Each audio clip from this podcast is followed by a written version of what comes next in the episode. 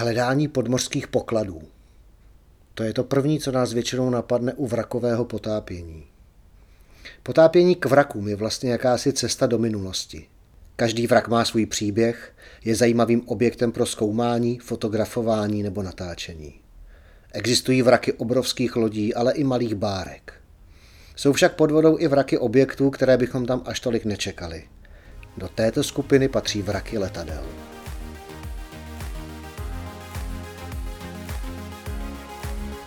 Potápění v mořích, řekách, jezerech, potápění v lomech, zatopených jeskyních, k vrakům nebo pod ledem, reportáže z cest za potápěním, názory na potápické vybavení, typy a zkušenosti, zkrátka vše, co souvisí s potápěním. O tom je podcast Pod vodou. U jehož poslechu vás vítá Petr Slezák. Za vraky potopených letadel se dnes vydáme na chorvatský ostrov Vis. Chorvatský ostrov Vis leží ve střední Dalmácii. Je to jeden z nejvzdálenějších ostrovů od pobřeží. Leží ve vnějším pásu pobřežních ostrovů, díváte-li se z Chorvatska směrem na západ, tedy do Itálie. Rozloha Visu je 90 km čtverečních, což je přibližně velikost Opavy nebo hluboké nad Vltavou. Trvale žije na Visu 3600 obyvatel a to převážně v městečkách Vis a Komiža. Za druhé světové války byl Vis sídlem jugoslávských národně osvobozeneckých sil. Když připlujete na Vis, protože dostat se na ostrov dá pouze trajektem, tak to první, co vás většinou zaujme, je specifická vůně ostrova. Dodnes si vzpomínám na tu vůni ostrova, když jsem poprvé vyjížděl autem z trajektu, když jsme připluli poprvé na Vis. Je to jakási směsice pryskyřice borovic, vonavého koření, ale možná se v té vůni mísí i vůně citronovníků. Na Visu se ekologickým způsobem pěstují citróny, ty citronovníky jsou v několika plantážích a ročně Vis vyprodukuje kolem 200 tun citrónů. Hlavní sklizeň je od konce října do prosince, což je bohužel většinou o měsíc později, než eh, jsou naše návštěvy. My jezdíme na Vis za potápěním většinou koncem září, takže každý rok marně obcházím ty pěstitele a ptám se, jestli náhodou letos není ta úroda dříve, abych si mohl odvést nějaké citrony eh, sebou domů. Ještě se mi to nepovedlo. Vys je určitě zajímavým místem pro výlet i nepotápěcký. Je to malebný ostrůvek, má spoustu různých zákoutí. To pobřeží je převážně skalnaté, ale schovávají se v něm malinké pláže s takovými cestičkami přístupovými. V roce 2018 se na Visu natáčel druhý díl muzikálu Mamma Mia. Já osobně jsem se na Vis dostal poprvé v roce 2013. Nějaký rok předtím eh, jsem se snažil získat různé informace o zajímavých eh, lokalitách pro vrakové potápění v Chorvatsku a moji kamarádi ze Slovinska mi doporučili právě Vis. Řekli mi, jestli chceš v Chorvatsku eh, odpotápět zajímavé vraky, tak zapomeň na všechno ostatní a jeď na Vis. Takže jsem dostal doporučení na místo a pak už bylo celkem jednoduché zorganizovat první Kappa Divers výpravu za vrakovým potápěním na Vis. Od té doby se tam vracíme až na výjimky každoročně. Ty lokality jsou zajímavé nejen pro vrakové potápění, ale i pro potápění na útesech. Obecně se dá říci, že potápěcké lokality na Visu jsou určeny především pokročilým potápěčům a to právě díky hloubkám. Mezi lokality na západním pobřeží ostrova Vis patří vrak Fortunal v hloubce 50 metrů, potom je tam vrak Tety, to je mělký vrak, eh, ten určitě je dostupný pro v podstatě každého potápěče, protože hloubky se pohybují mezi asi 10 a 30 metry. Přímo před městečkem Komiža eh, je vrak obrovské 100 metrů dlouhé nákladní lodi Vasilios T. No a kromě toho jsou tam zajímavé útesy.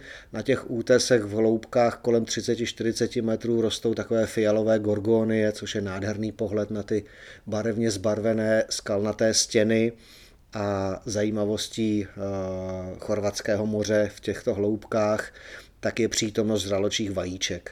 Ta žraločí vajíčka jsou takové malé kožovité váčky o velikosti přibližně 10 až 15 cm a když je šetrně prosvítíte potápickou svítilnou, tak uvnitř můžete vlastně pozorovat takový stínový obrys toho malého žralůčka, který tam se vyvíjí. Přesuneme-li se na východní pobřeží ostrova Vis, tak tam můžeme jmenovat z těch vrakových lokalit lodě Ursus, Briony, nádherný vrak, poměrně velké hloubce, no a samozřejmě vraky letadel eh, B-24 a B-17. Ještě bych zmínil dvě zajímavá místa eh, u ostrova Vis, a to je Zelená a Modrá jeskyně. Zelená jeskyně je vlastně jeskyně, která vznikla narážením mořských vln eh, do stěny ostrůvku Ravnik na východním pobřeží ostrovu Vis. Je to zajímavé místo pro výlet. Dá se tam i potápět, potápění je tam částečně limitované a je třeba zaplatit speciální poplatek, ale to místo je zajímavé i na výlet nepotápěcký. Ta zelená jeskyně je dostatečně velká, tak aby se do ní dalo vplout i s malou lodí. Jsou v ní zajímavé hry světel a stínů, které tvoří takový zelený nádech, odtud tedy její název Zelená jeskyně. Modrá jeskyně na ostrovu Biševo je také zajímavá, je to určitě dobrý cíl pro nepotápěcký výlet. Vstup do té jeskyně z mořské hladiny je poměrně úzký, dá se tam vplout jenom na malé lodičce, ta takové, eh, když si představíte pramici nebo malý motorový člun, je to také organizovaný výlet, nemůže se tam vydat každý, kdo si vzpomene na nějaké své malé lodi.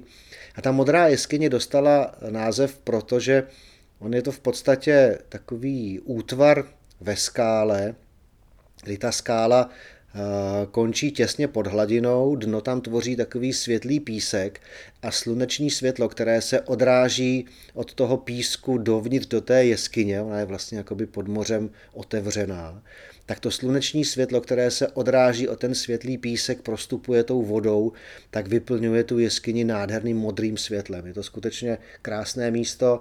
Když si o tom najdete fotografie nebo videa někde na internetu, tak možná, že to bude zajímavý tip pro váš příští výlet, až budete mít cestu střední Dalmácií.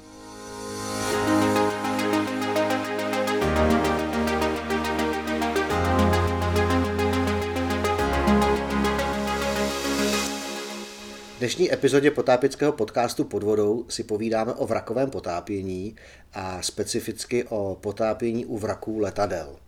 Mým dnešním hostem je můj kamarád a potápěč Mako. Mako, vítej. Ahoj Petře, zdravím mi posluchače. Uh, Mako, my jsme spolu měli tu možnost se na chorvatském ostrovu Vis potápět několikrát na několika výpravách a odpotápili jsme spolu celkem tři různé vraky letadel, všechno to jsou vraky z druhé světové války. Tak pojďme posluchačům odvyprávět ty naše tři ponory, ty tři lokality, to, jak jsme to vnímali a co to vlastně znamená vidět pod vodou vrak letadla. Vrak letadla je celkem specifická věc, protože lodě pod tu vodu tak nějak už patří, každý očekává, že tam ta loď může takhle skončit u těch letadel je to trošku neobvyklý, nejsou ty vraky tak častý a samozřejmě ta impozantnost toho vraku, který pokud je v ideálním stavu, tak se jakoby vznáší pod tou vodou, tak je to přece něco jiného. Já bych možná řekl, že jsme spolu odpotápili ještě jeden vrak letadla. Byl to v Baltu, eh, Štuka, eh, kde z toho byly teda jenom křídla, takže to byly dvě placaté desky s německým znakem a, a to bylo celý, takže to nebylo asi úplně to impozantní potápění k vrakům letadel, ale vys samozřejmě je něco úplně jiného. Teď jsi mi připomněl teda eh, v tom Baltu ponor, který já už jsem si přál zapomenout, protože eh, aby posluchači chápali, tak my jsme dostali informaci, že na té lokalitě je vrak eh, nějakého vojenského letadla z druhé světové války. Tam teda jsou jenom křídla, ale my jsme si představili, že tam bude celý vrak. Takže jsme si uh, sestoupili podél nějakého sestupového lana asi do 40 metrové hloubky, kde na placatém dně skutečně byly takový dva pro mě, uh, řekl bych, pláty ocely nebo pláty nějakého kovu, kde ani moje nejlepší představivost si nedokázala představit, jestli to bylo součástí nějakého letadla. Tak jsme tam na to pár, metrů, pár minut koukali pak jsme tak nějak pokrčili rameny, vydali se k výstupovému lanu a zase jsme se vynořili. no, to, opravdu stálo za to tenkrát, ale tak každý ponor je dobrý, když se všichni ve zdraví vynořejí. Přesně no. tak, přesně tak. Radost nám to určitě udělalo. Nicméně pojďme zpátky na Vis. Ten chorvatský ostrov Vis je skutečně zajímavý jednou, jedním faktem, A to je ta přítomnost toho letiště za druhé světové války, které bylo vlastně v té oblasti jediným spojeneckým letištěm. Takže na něj přistávaly letadla, kterým různě docházelo palivo, která byly poškozené z různých bojů, soubojů a tak dále. No a protože bylo na tom letišti, tam byla jediná přistávací dráha, tak kolikrát eh, ta poškozená letadla musela kroužit kolem ostrovu a čekat vlastně, až se pro ně uvolní ta přistávací dráha. A i to je důvod, proč některá z nich skončila v tom moři. Ono samozřejmě jako každý vrak, tak každé letadlo má svůj příběh a ty příběhy kolikrát eh, nebyly vůbec jednoduché, takže i v případě, že třeba dráha byla volná, tak to letadlo bylo v takovém stavu poškození, že se nepodařilo ho připravit na klasické přistání na zem. A to buď z důvodu, že jeden, jedno kolo podvozku bylo vysunuté a nešlo zasunout díky nějakým ohýbaným plechům, přistávat na jedno kolo na zem je v podstatě no, katastrofa, protože to letadlo se na konci může roztočit, začít hořet, takže to třeba byl důvod, proč ty letadla přistávaly na vodu. Ale já bych možná ještě zmínil, že ostrov Vis má několik eh, zajímavostí a nejenom vraky letadel, aby to nevypadalo, že se tam jezdíme na 24 hodin jenom potápět k letadlům. Eh, je to jeden vlastně z nejzápadnějších chorvatských ostrovů, je nejblíž k Itálii, je poměrně daleko od pevniny, takže ty podmínky pro potápění jsou tam obvykle dobré z pohledu viditelnosti, ta voda je tam opravdu čistá. Bylo by dobré zmínit, že na Visu byla v období studené války raketová posádka, takže ostrov byl vlastně pro veškerý turismus uzavřen, takže není nějak přelidněn, nejsou tam nějaké megalomanské hotelové komplexy, což samozřejmě z toho ostrova dělá taky celkem zajímavé místo pro dovolenou. No a v neposlední řadě to bývalé eh, náhradní vojenské letiště je dneska eh, z části Vinice, to letiště už nefunguje, a to víno samozřejmě je celkem autentické, pro nás je to víno s příběhem a tvrdíme, že je tam cítit v tom víně ten letecký benzín těch poškozených letadel, které e, zažívaly různé příběhy na té letecké dráze. Ostrov Vis je skutečně úžasný tím lokálním charakterem. Tím, co si zmínil, že tam nejsou ty hotelové komplexy, že v podstatě všechny ty vesničky mají takový přívětivý eh, ráz a Myslím si, že nejenom pro potápěče, ale že i třeba jachtaři, kteří plují na plachetnicích, tak tam rádi kotví a rádi zajdou na návštěvu, ať už je to Komiža, nebo Rukavac, nebo Vis, tak jsou to prostě taky malý příjemný vesnice. Pojďme se teda podívat na ty vraky. První vrak, eh, o kterém bychom si povídali, tak je eh, vrak bombardéru B-24, ležícího v hloubkách mezi 40 a řekněme 50 metry, což je takovej jakoby ještě nejdostupnější z těch vraků letadel. Ty vraky na Visu obecně jsou spíš pro nějaké pokročilé potápěče, protože vlastně, když o tom tak přemýšlím, tak ze všech vraků, tam nejsou jenom letadla, ale i lodě, tak nejmělčí je Tety, tety jestli se nepletu. 30 metrů. 30 metrů je maximální hloubka, minimální hloubka někde kolem 11 metrů, jak je to opřené o ten útes ale jinak vlastně všechny ty ostatní vraky, na které se tam jezdíme potápět, tak jsou spíš tak jako 30 až 50 metrů, takže dokonce bych řekl, že spíš než pokročilý sportovně rekreační potápěč, tak si tam na své přijde technický potápěč v nějakém dekompresním režimu. Myslím si zcela určitě, že VIS je primárně určen pro technické potápěče, ale na druhou stranu eh, na Visu nejsou k vidění jenom vraky, jsou tam i nádherný útesy, nádherné stěny, gorgonie, žraločí vajíčka. Pro nás je to zajímavé zpestření dekomprese po nějakém vrakovém ponoru, ale dovedu si představit, že to jsou zajímavé místa i pro samotný ponor, jakožto plán eh, jít se tam potápět.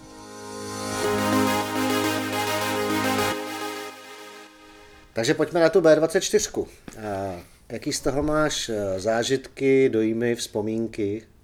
Tak já bych asi na začátek jako u každého vraku řekl nějakou historii, protože mě vrakové potápění naučilo eh, čerpat eh, informace z historie a dát tomu trošičku větší rozměr a nejenom se soustředit na ten ponor samotný, ale uvědomit si souvislosti. Mě to ten zážitek prohlubuje. Tak ta konkrétní B24 má celkem zajímavý příběh protože je to poslední B-24 Liberator vyrobený v Tulze v americké továrně, kde se tyhle ty stroje dělaly, tak tenhle ten konkrétní stroj je úplně poslední. Který to, tu továrnu s celkem velkou slávou opouštěl. No a tady možná k té B24 Není ten vrak úplně v ideálním stavu, je v podstatě roztříštěn do dvou takových základních částí. Ta hlubší, což je ocas a vlastně ta zadní střílná, tak je v hloubce asi 54 metrů, asi 50 metrů od té zbytku. No a ta přední část, která je vlastně otočená z hůru nohama, což na první pohled není úplně vidět, protože B24 byla hornoplošník a de facto tenhle ta konstrukce v obvyklých případech znamenala, že z toho vraku není příliš eh, moc kompaktních celků, protože ta těžká část s těmi motory šla vlastně do vody napřed, takže ten vrak vlastně padal z hůru nohama a navíc ta lehká ocasní část se obvykle odlomila.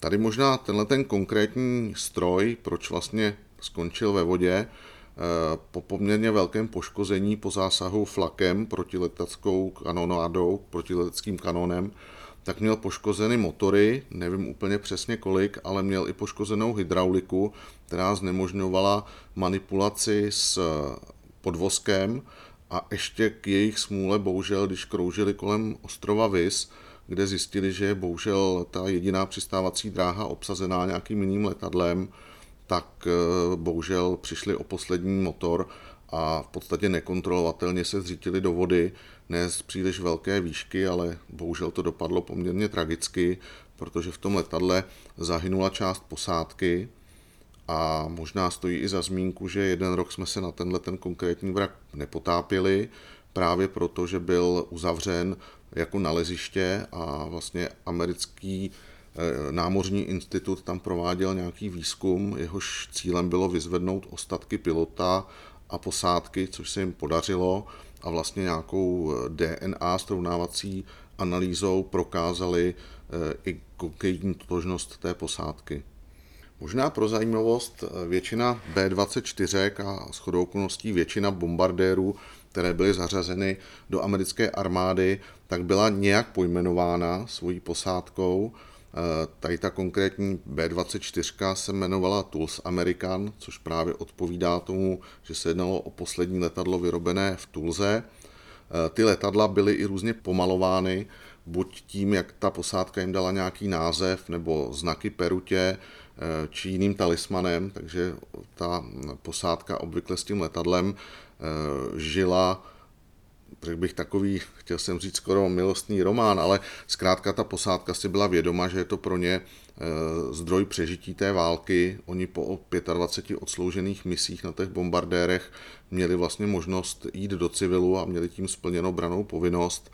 Takže oni věděli, že buď to letadlo těch 25 letů vrátí zpátky na zem a oni půjdou domů, anebo zkrátka to letadlo je nepodrží dostane nějaký zásah a bohužel eh, je to může stát život. S tím vrakovým potápěním někdy ty související příběhy jsou skutečně eh, náročné, náročné na to uvědomit si, že vlastně navštěvujeme i jakýsi symbolický hrob, v tomto případě válečný, válečných hrdinů. Takže ti potápěči tam prožívají i takový rozměr ponoru a vlastně přistupují k té lokalitě s určitou pietou, s určitým respektem.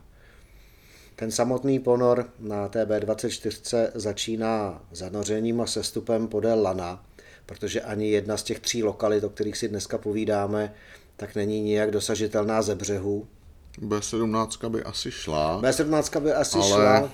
Není to úplně ideální logistika pro takový ponor. Začít to tři čtvrtě hodinovým plaváním od někud někam a potom teprve se zanořit do takové hloubky. Já ani nevím, jestli z toho misu by se dalo vstoupit do vody. To je dost skalnaté pobřeží, hmm. ale nikdy jsem o tom takhle nepřemýšlel. Vždycky jsme měli podporu nějaké lodi, z které jsme na ty vraky sestoupili.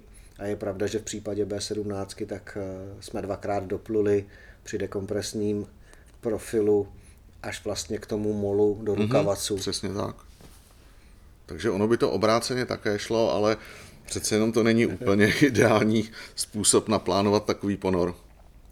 Takže se stoupíte-li podél toho lana na B24 do těch přibližně 40 metrů, tak vlastně najdete, jak Mako řekl, tu příďovou část, která je otočená vzhůru nohama.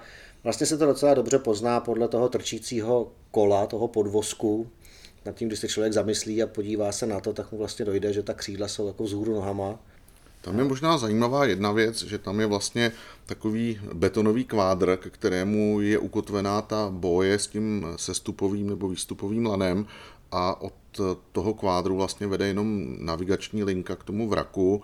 Já to považuji za určitou ochranu toho vraku, buď před házením kotev nebo jiných kotvících předmětů do vody, a nebo před vyvazováním lodí přímo na ten vrak. Takže tady to mi přijde celkem jako dobrá věc, kterou tam udělali. To určitě, to určitě, protože ty vyvazovací lana, kotvící lana upevněný do vraku samozřejmě pomáhají jejich destrukci. Ano. Ten vrak není moc velký, jako vrak eh, takového typu bombardéru eh, je řekněme na ploše 20x20 metrů, jako když má ulomenou tu ocasní část, takže v té hloubce 40 metrů, kde ten čas poměrně utíká, tak je to fajn, že potápěči mají možnost si za relativně krátký pobyt prohlédnout tuhle tu hlavní část. A pak vlastně záleží na tom, jak dlouhou dekompresi a jakou spotřebu těch dýchacích směsí má ten potápěč připravenou a vlastně podle toho se rozhoduje už před zanořením, jestli odpotápí jenom tuhle tu centrální část, anebo jestli se vydá hledat i tu ocastní část, což je vlastně hledání podle nějakého náměru na kompasu a znamená to sestoupit z těch 40 metrů ještě asi o 13 metrů hlouběji do nějakých 53 metrů, kde je ten ulomený ocas. Já musím říct, že pokud člověk má na ten ponor čas a je to jeden ponor za den a je k tomu kvalifikován a technicky vybaven, tak doporučuji se na tu ocasní část jít podívat. Není to nijak daleko, je to 40 metrů, člověk odplave od té hlavní části toho vraku, skočí dolů z útesu a už vlastně vidí tu ocasní část, plus je tam pár takových trosek kolem, je tam ta střelecká věž a vlastně potom se vrací zpátky zase k té hlavní části vraku a ta dekomprese je tady poměrně příjemná, protože při té viditelnosti, která na visu bývá, tak při těch hlubších eh, dekompresních zastávkách je ten vrak stále vidět a to je moc příjemný. Já zkusím najít nějakou fotku a můžeme ji dát do popisu tohoto toho našeho povídání v blogu na stránkách caperdivers.cz aby posluchači měli i vizuální představu o tom, jak vypadá to koukání z mělké vody dolů podél toho lana ke zbytkům vraku, o kterém si povídáme. Tady ještě možná u tohohle vraku bych zmínil, že jeden rok mě moc překvapilo, byl to ten rok po té, co tam probíhal ten výzkum, tak na tom vraku on vlastně byl v rámci toho výzkumu kompletně celý přesunut nebo potažmo zvednut. Eh, celý ten písek byl vlastně prosát při tom hledání ostatků a zase ho ty výzkumníci vrátili přesně do toho stavu, v kterém byl ale v rámci toho výzkumu našli celou řadu nábojů, střeliva, různých malých fragmentů a mě moc překvapilo, že to tam ještě bylo, že to vlastně eh, nikdo nevzal.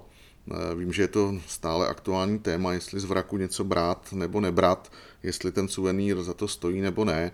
Já mám tu filozofii, že to, co ta voda jednou si veme, to tam má zůstat a pokud to budu porušovat, tak mě zase veme něco jiného, eh, ztratím kompas, svítilnu či cokoliv jiného, co se mi občas děje.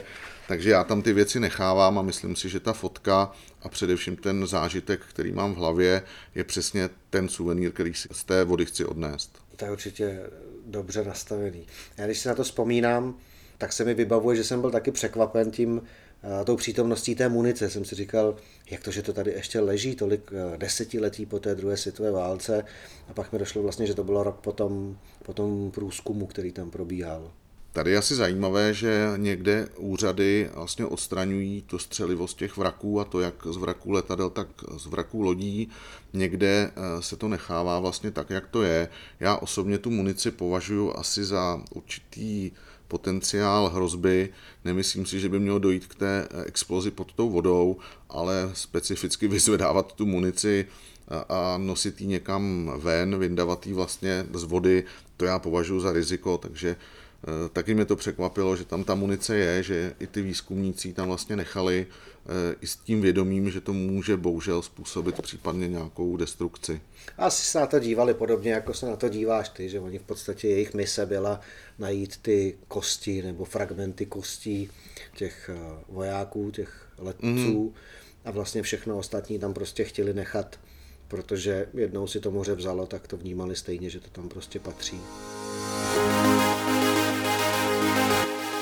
Pojďme se přesunout o několik mil po moři jinam, od vesničky Rukavac k malému ostrůvku Byševo, což je ostrůvek, na který je vidět z té západní strany Visu, když se dívá eh, vlastně člověk z pobřeží jakoby směrem k Itálii, tak vidí ostrov Byševo a na jeho tuším, že severní straně je to místo, eh, kam jsme jeli se tenkrát potápět na druhý vrak B24, který byl poměrně čerstvě objeven a mě teda na tom ponoru, já si z toho ponoru pamatuju spoustu zajímavých zážitků, k těm se možná dostaneme. to se ještě zasmějeme. co mě, co mě jako vždycky eh, vytane jako první na mysli, je to, že jsme tam byli skutečně mezi prvními návštěvníky toho vraku. Že eh, já si pamatuju, někde to máme poznamenané, že jsme byli v první desítce potápěčů, kteří ten vrak navštívili. Myslím, že jsme byli dokonce druhá skupina, která na ten vrak šla, takže to určitě stojí za zmínku. Nebyl to teda úplně prvoponor, nenašli jsme si ten vrak úplně sami. Ono to asi dneska ani nejde si najít svůj vlastní vrak, o kterém do té doby nikdo nikdy nevěděl, obzvlášť v moderní době sonarů. Nicméně tady asi za zajímavost stojí, že ten vrak opravdu byl velmi čerstvě objeven a že my jsme měli i určitý úkol eh, na tomhle ponoru pokusit se najít cokoliv, na čem by bylo seriové číslo, tak, aby se vlastně prokázala identita toho vraku, která v tu dobu ještě nebyla zcela zřejmá. Nutno poznamenat, že jsme identitu vraku hledali v hloubce 90 metrů, protože tenhle vrak je skutečně poměrně hluboko.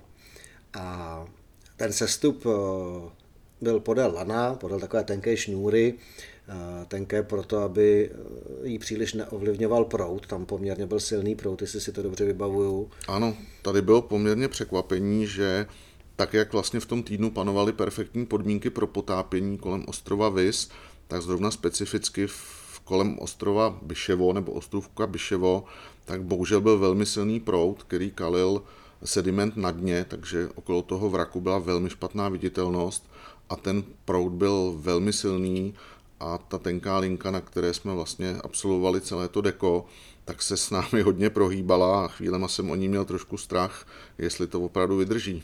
Já si vybavuju, jak jsme skočili z lodi a podél té linky jsme se zanořovali do té nekonečné modré hlubiny, jak se zbíhají ty paprsky sluneční a mizejí v tom jednom bodě někde dole ten sestup je poměrně dlouhý. Pamatuju si, že až do hloubky asi 80 metrů byla ta viditelnost velmi dobrá. Ano. A pak právě na těch posledních 10 metrů, kdy už očekáváte na hloubkoměru, vidíte, že jste v 80 metrech, očekáváte, že teď se vlastně objeví celý ten vrak toho letadla, tak eh, díky tomu proudu který byl velmi silný i dole u dna, tak právě ta viditelnost klesla na, řekněme, jednotky metrů. To určitě nebylo víc než 10 metrů a poměrně to jakoby zkazilo ten vizuální dojem eh, ve srovnání s tím sestupem. My jsme sestoupili dolů, mě teda osobně chvíli trvalo, než jsem se zorientoval, protože tím, že ano. je to zase B24, tak eh, opět ten vrak je poměrně rozbitý, není to kompaktní letadlo, které by tam bylo zaparkované, takže mě chvíli trvalo uvědomit si, co je příč, co je záď, samozřejmě křídla člověk pozná, uvědomit si, co je vzhůru nohama, co není vzhůru nohama. Tady pomohly opět ty kola z toho podvozku, to je jasně viditelný e, znak toho, v jakém stavu, jakým směrem, e, jak vlastně natočené to letadlo pod tou vodou je. Ale tady se zcela jistě projevilo i to, že ten vrak nebyl nijak popsán, že my jsme vlastně nevěděli, v jakém je stavu, jak je natočen, kde jsou křídla, kde je ocas a v 90 metrech v nějaké viditelnosti 3 metry, 4 metry, podle mě tam víc hmm. nebylo, tak nějakou chvíli trvá, než se člověk vlastně zorientuje a udělá si i nějaký plán, jakým způsobem ten vrak vlastně proskoumat a ještě obzvlášť, když má v ruce špachtly a snaží se odstraňovat nános z ocasu a najít nějaké seriové číslo toho letadla. Musíme posluchačům říct, že tedy najít sériové číslo se nám nepodařilo, přestože jsme se hmm. o to pokoušeli. Skutečně jsme špachtlí odstraňovali nánosy na různých vytipovaných eh, místech toho letadla, kde by to sériové číslo mohlo být. Já jsem měl sebou velkou kameru, velký foťák a snažil jsem se to nějakým způsobem dokumentovat, ale nepodařilo se nám to na tomto ponoru úplně zdokumentovat. Vybavuji si, my jsme tam šli čtyři potápěči, do takové hloubky je poměrně logickým rozhodnutím jít s uzavřeným dýchacím okruhem, s takzvaným rebrístrem, kdy potápěči poměrně dost optimalizují spotřebu těch relativně drahých héliových dýchacích směsí. My jsme s Makem šli jako první potápěči a kluci, to byl Míra s Tomášem, ano. tak ty šli vlastně za náma, minutu možná po nás a my jsme se stoupili podél toho lana od toho místa jsme začali ten vrak obeplavávat a mezi tím došlo k jedné nepředvídané události. Pamatuješ si to? Pamatuju si to dobře. Eh, ta sestupová linka byla dole vlastně přivázána ke kameni a ten kámen byl eh, mezi ocasem a, kolem, eh, takže jsme věděli, kde vlastně jako pro nás začíná to výstupové lano. Nicméně kluci se rozhodli tu linku uvázat někam na vrak, kde vydrží, protože ten kámen opravdu nebyl úplně stabilní. No nicméně my, když jsme teda uh, ukončili to prohledávání toho vraku a chtěli jsme začít vystupovat, tak jsme nenašli tu výstupovou linku. Zkrátka tam, kde měla být, nebyla a při té viditelnosti, která tam byla, tak jsme ji nikde neviděli, takže to byl takový celkem zajímavý moment toho ponoru, kdy jsem si představoval a snažil jsem se vypočítat při té rychlosti proudu po dvouhodinovém deko výstupu volnou vodou, jak daleko skončíme na volném moři. No, to jsem, v tu chvíli musím přiznat, že jsem taky trošku znejistěl, znervozněl, protože eh, přesně stejná úvaha mi letěla hlavou, jestli budeme z 90 metrů dekompresit dvě hodiny výstupu volnou vodou, tak eh, skutečně budeme mnoho, mnoho kilometrů daleko. Dokonce si myslím, že jsme se kluků pod vodou ptali, kde je ta šňůra. Ptali, no. A vlastně oni nám ukázali, kam to převázali, takže i v té omezené viditelnosti uh, jsme ji našli. My jsme byli dole, tuším asi 20-22 minut, uh, jestli si to dobře vybavuju. Pak jsme zahájili výstup. Ten výstup z téhle hloubky je skutečně dlouhý. Když potápěč neplave kolem útesu, kdy přece jenom ten čas utíká trošku rychleji, protože je stále na co koukat, ale když dvě hodiny vysíte v modru kolem šňůry a musíte dodržet velmi striktně ten dekompresní profil, kde jsou ty jednotlivé zastávky dané přesnou hloubkou a přesnou, přesným časem, přesnou dobou, po kterou v té hloubce musíte setrvat, tak je to poměrně náročný moment. Ale ten ponor určitě stál za to. Stál za to právě tím, že jsme byli mezi prvními potápěči, kteří ten vrak vůbec viděli a e, samozřejmě každý, každý takový ponor, protože ponor do 90 metrů přece jenom neděláme každý týden, tak je svým způsobem i pro nás trénink, na kterém si uvěřujeme, že ta příprava, ty plány, ty postupy, že to zkrátka všechno funguje. Jednoznačně je to samozřejmě praxe a takovýhle typ ponoru prostě posouvá potápěče dál mentálně, technicky, je třeba si z toho potom udělat samozřejmě nějaký závěr, říct si, kde byla chyba v případě, že nějaká byla. Pro nás bylo z toho poučení přesně kolem toho výstupového lana a od té doby na takovéhle ponory nosíme velký buben pro případ výstupu volnou vodou, že bychom uvázali tu cívku k tomu vraku a vlastně vystupovali na té cívce nahoru, takže ne vystřelit bojku z 90 metrů, ale naopak vlastně uvázat se k tomu vraku a postupně Eh, jít touhle cestou nahoru, takže to třeba z toho bylo pro mě poučení a věděl jsem to samozřejmě teoreticky, nicméně ta praxe prostě člověku eh, tu mysl jednoznačně eh, zaostří na to podstatné. My na tom vraku máme jeden jediný ponor. Mako, víš něco bližšího o tom letadle? Tam je jedna zajímavost, že to letadlo dostalo zásah nad tehdejším Československem To letadlo startovalo, mám pocit, z Maroka, ze základny spojenecké v Maroku, bombardovalo nějakou továrnu na polsko-německých hranicích a právě při návratu přes Českou republiku byli napadeni tyhle ty bombardéry stíhačkami německými. Tato poskozená B-24 už by nedoletěla na tu svoji mateřskou základnu do Maroka, proto se rozhodla jít na náhradní letiště na Visu a bohužel se jim nepodařilo ani na to letiště doletět. Oni ztratili v malé výšce nad mořem nad tím letadlem kontrolu a proto vlastně eh, se zřítilo do moře. Já úplně přesně nevím, kolik tam bylo členů posádky, ale dočetl jsem se, že sedm z nich se podařilo zachránit. Obvykle bylo 11 členů posádky na těch liberátorech, takže pravděpodobně čtyři tam zahynuli.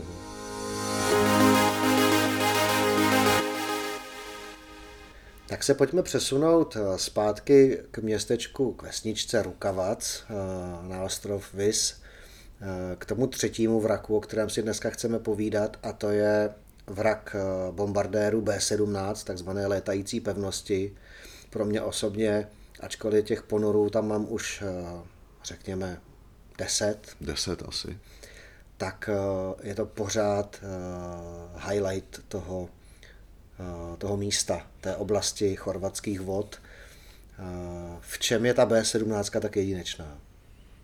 Tak když se přesouváme do Rukavacu, tak já úplně cítím tu vůni kávy té malé hospůdce v přístavu v Rukavacu, kterou si dáváme, když čekáme, než přijede loď, která nás bude transportovat nad vrak.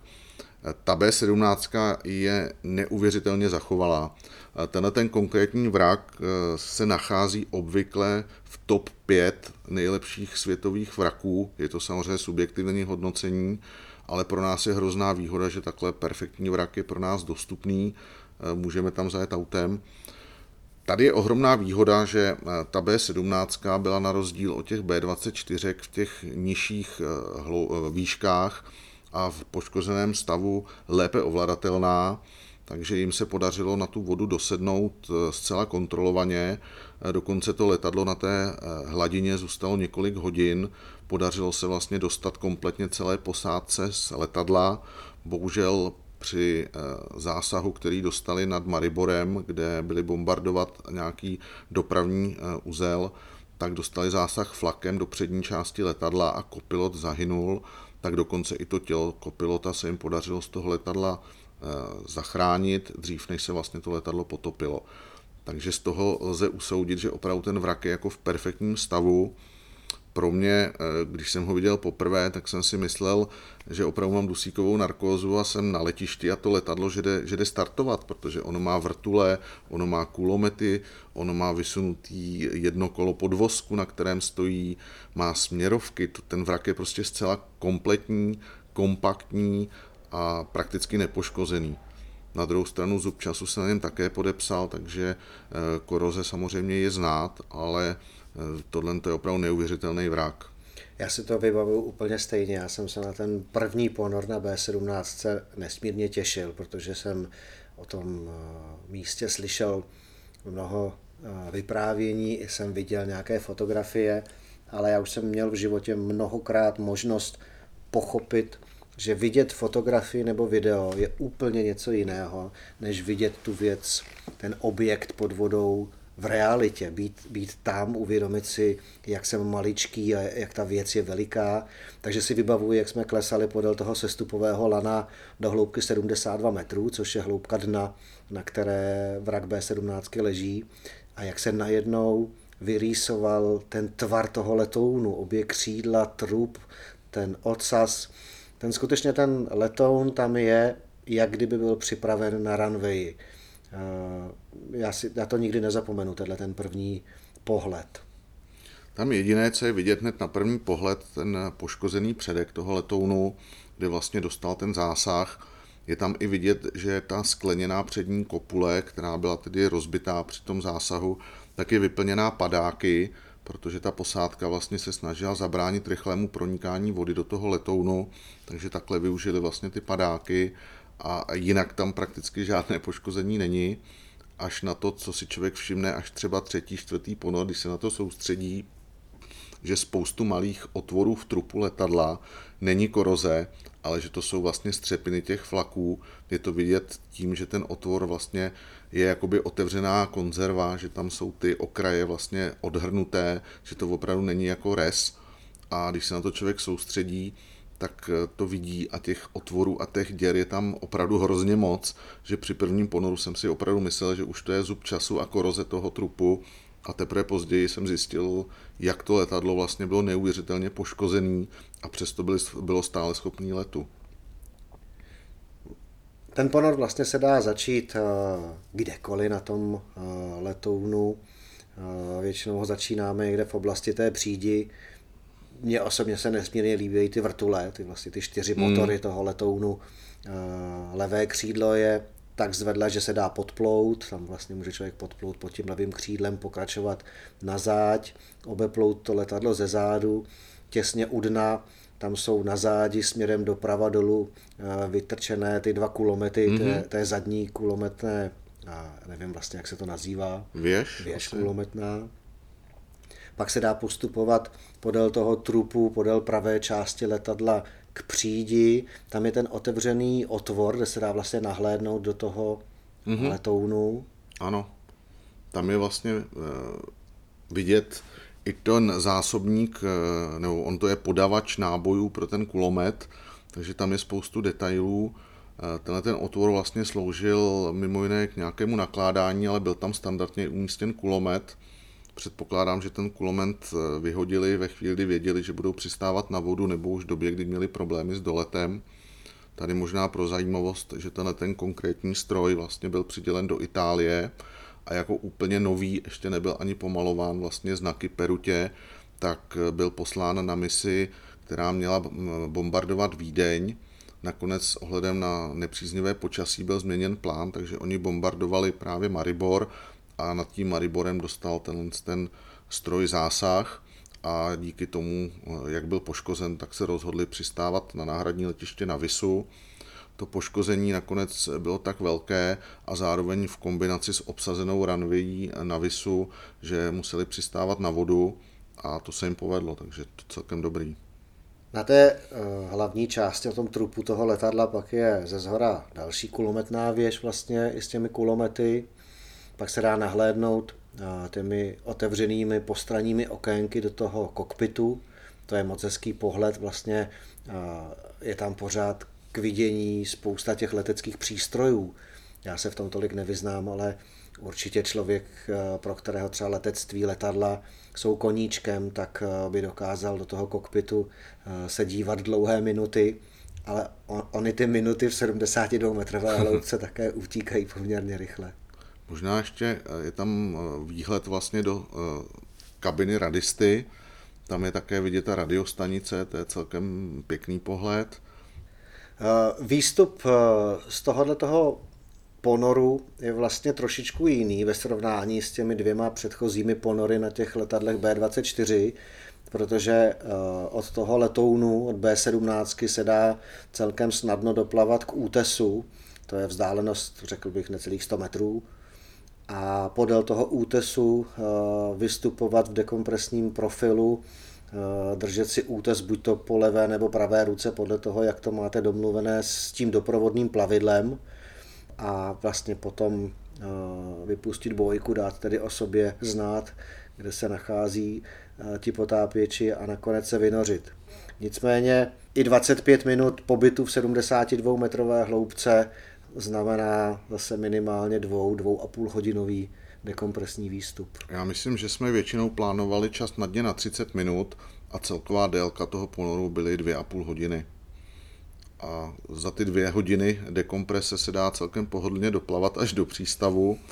Člověk musí být opatrný, jednou jsme tam narazili na natažené rybářské sítě, tak to samozřejmě je určitá komplikace, ale jinak je to velmi příjemná dekomprese u té stěny, která je sama o sobě nádherná. Určitě s tebou souhlasím, ta, tam, tam mě vlastně ten panel baví celý, někdy ta dekomprese může být trošičku nudná, ale člověk ví, za co platí, za to, že navštívil mm. hlubokou, zajímavou lokalitu, ale na té B17 je zajímavý celý ten ponor. Na tu rybářskou síť si pamatuju, já jsem se jí polekal poměrně dost, protože si člověk tak pomaličku plave eh, v hloubce dekompresní zastávky, Já jsem tak nějak koukal pod sebe do toho dna, tam rostou takové mořské řasy, takové rostliny, v tom lezou nějaký krabíci, pár ryb.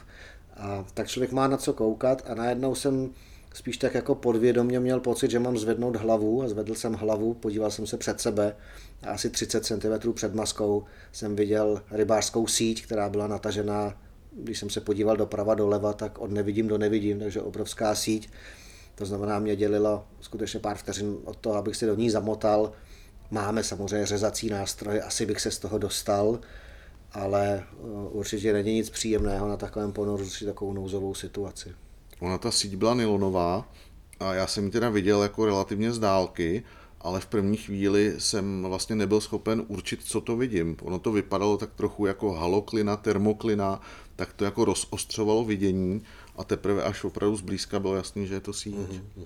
Já jsem si ještě v souvislosti s vrakem B17 vzpomněl na fotosoutěž jedné společnosti, které jsme se chtěli zúčastnit a naplánovali jsme si týmové focení eh, právě u tohoto vraku a nakonec nám to přineslo druhou cenu a svítilnu od této společnosti. Vzpomínáš si a na jo, to? Jo, vzpomínám, vzpomínám. Já se směju, protože vždycky, když plánujeme to týmové fotografování, tak to je, já si myslím, že ani štáb v Hollywoodu nemá tak detailně připravené, kdo kde bude, kdo jak svítí, kdo, kdo hraje modela, ale potom pod tou vodou to často bývá úplně jinak, než byl ten plán. Takže my, když chceme pod vodou něco natočit nebo vyfotit a skutečně máme dopředu nějaký vizuální záměr, tak si to trénujeme na suchu, ty vzájemné pozice, kdo kde bude, kdo kam svítí, kdo kam je otočen hlavou, kam ploutvemi, ale ne vždycky se nám povede ten plán zrealizovat pod tou vodou. Tak ono při potápění na takovýhle vrak do takovéhle hloubky, kdy se vlastně zanořujeme na volném moři, Eh, kdy jsou třeba vlny, eh, obtížnější podmínky, tak ne vždycky se podaří dodržet přesně tu formaci na tom sestupu, protože body týmy jdou tak, jak jsou vzájemně připraveni a nemá smysl se tam houpat na vlnách a čekat, než posádka lodi připraví další body tým na sestup. No a potom je to dole improvizace. No. Mako, my jsme si tady dneska povídali o třech eh, ponorech na třech různých vracích letadel u chorvatského ostrova Vis. A pojďme ještě posluchačům říct pár slov o potápických podmínkách na Visu. Já osobně eh, za sebe můžu říct, že Chorvatsko nepatří úplně mezi mé nejoblíbenější destinace, kam bych potřeboval jezdit každý měsíc. Nicméně ten Vis já spatřuji jako takovou trošku výjimečnou lokalitu.